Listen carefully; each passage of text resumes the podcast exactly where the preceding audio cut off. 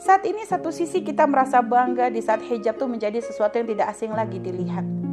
Di kampus pun kita sudah tidak asing menemukan wanita-wanita berhijab. Tapi yang menjadikan ironisnya, ternyata hijabnya tidak menghalanginya untuk bisa mempunyai rasa malu. Ternyata hijab tidak lagi menjadi batas seorang wanita bisa menjaga kehormatannya.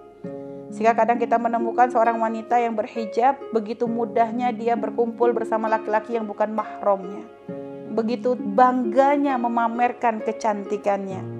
Mana iman, mana malu. Makanya Nabi sendiri berkata, "Illam tastahi fasna masyikta." Kalau kamu sudah tidak punya malu, maka lakukanlah sesukamu. Hadis ini bukan berarti Rasulullah nyuruh kita berlaku seenaknya. Hanya ini kayak sindiran, teguran. Artinya ketika orang sudah tidak punya lagi rasa malu, maka mereka akan bisa melakukan apa saja.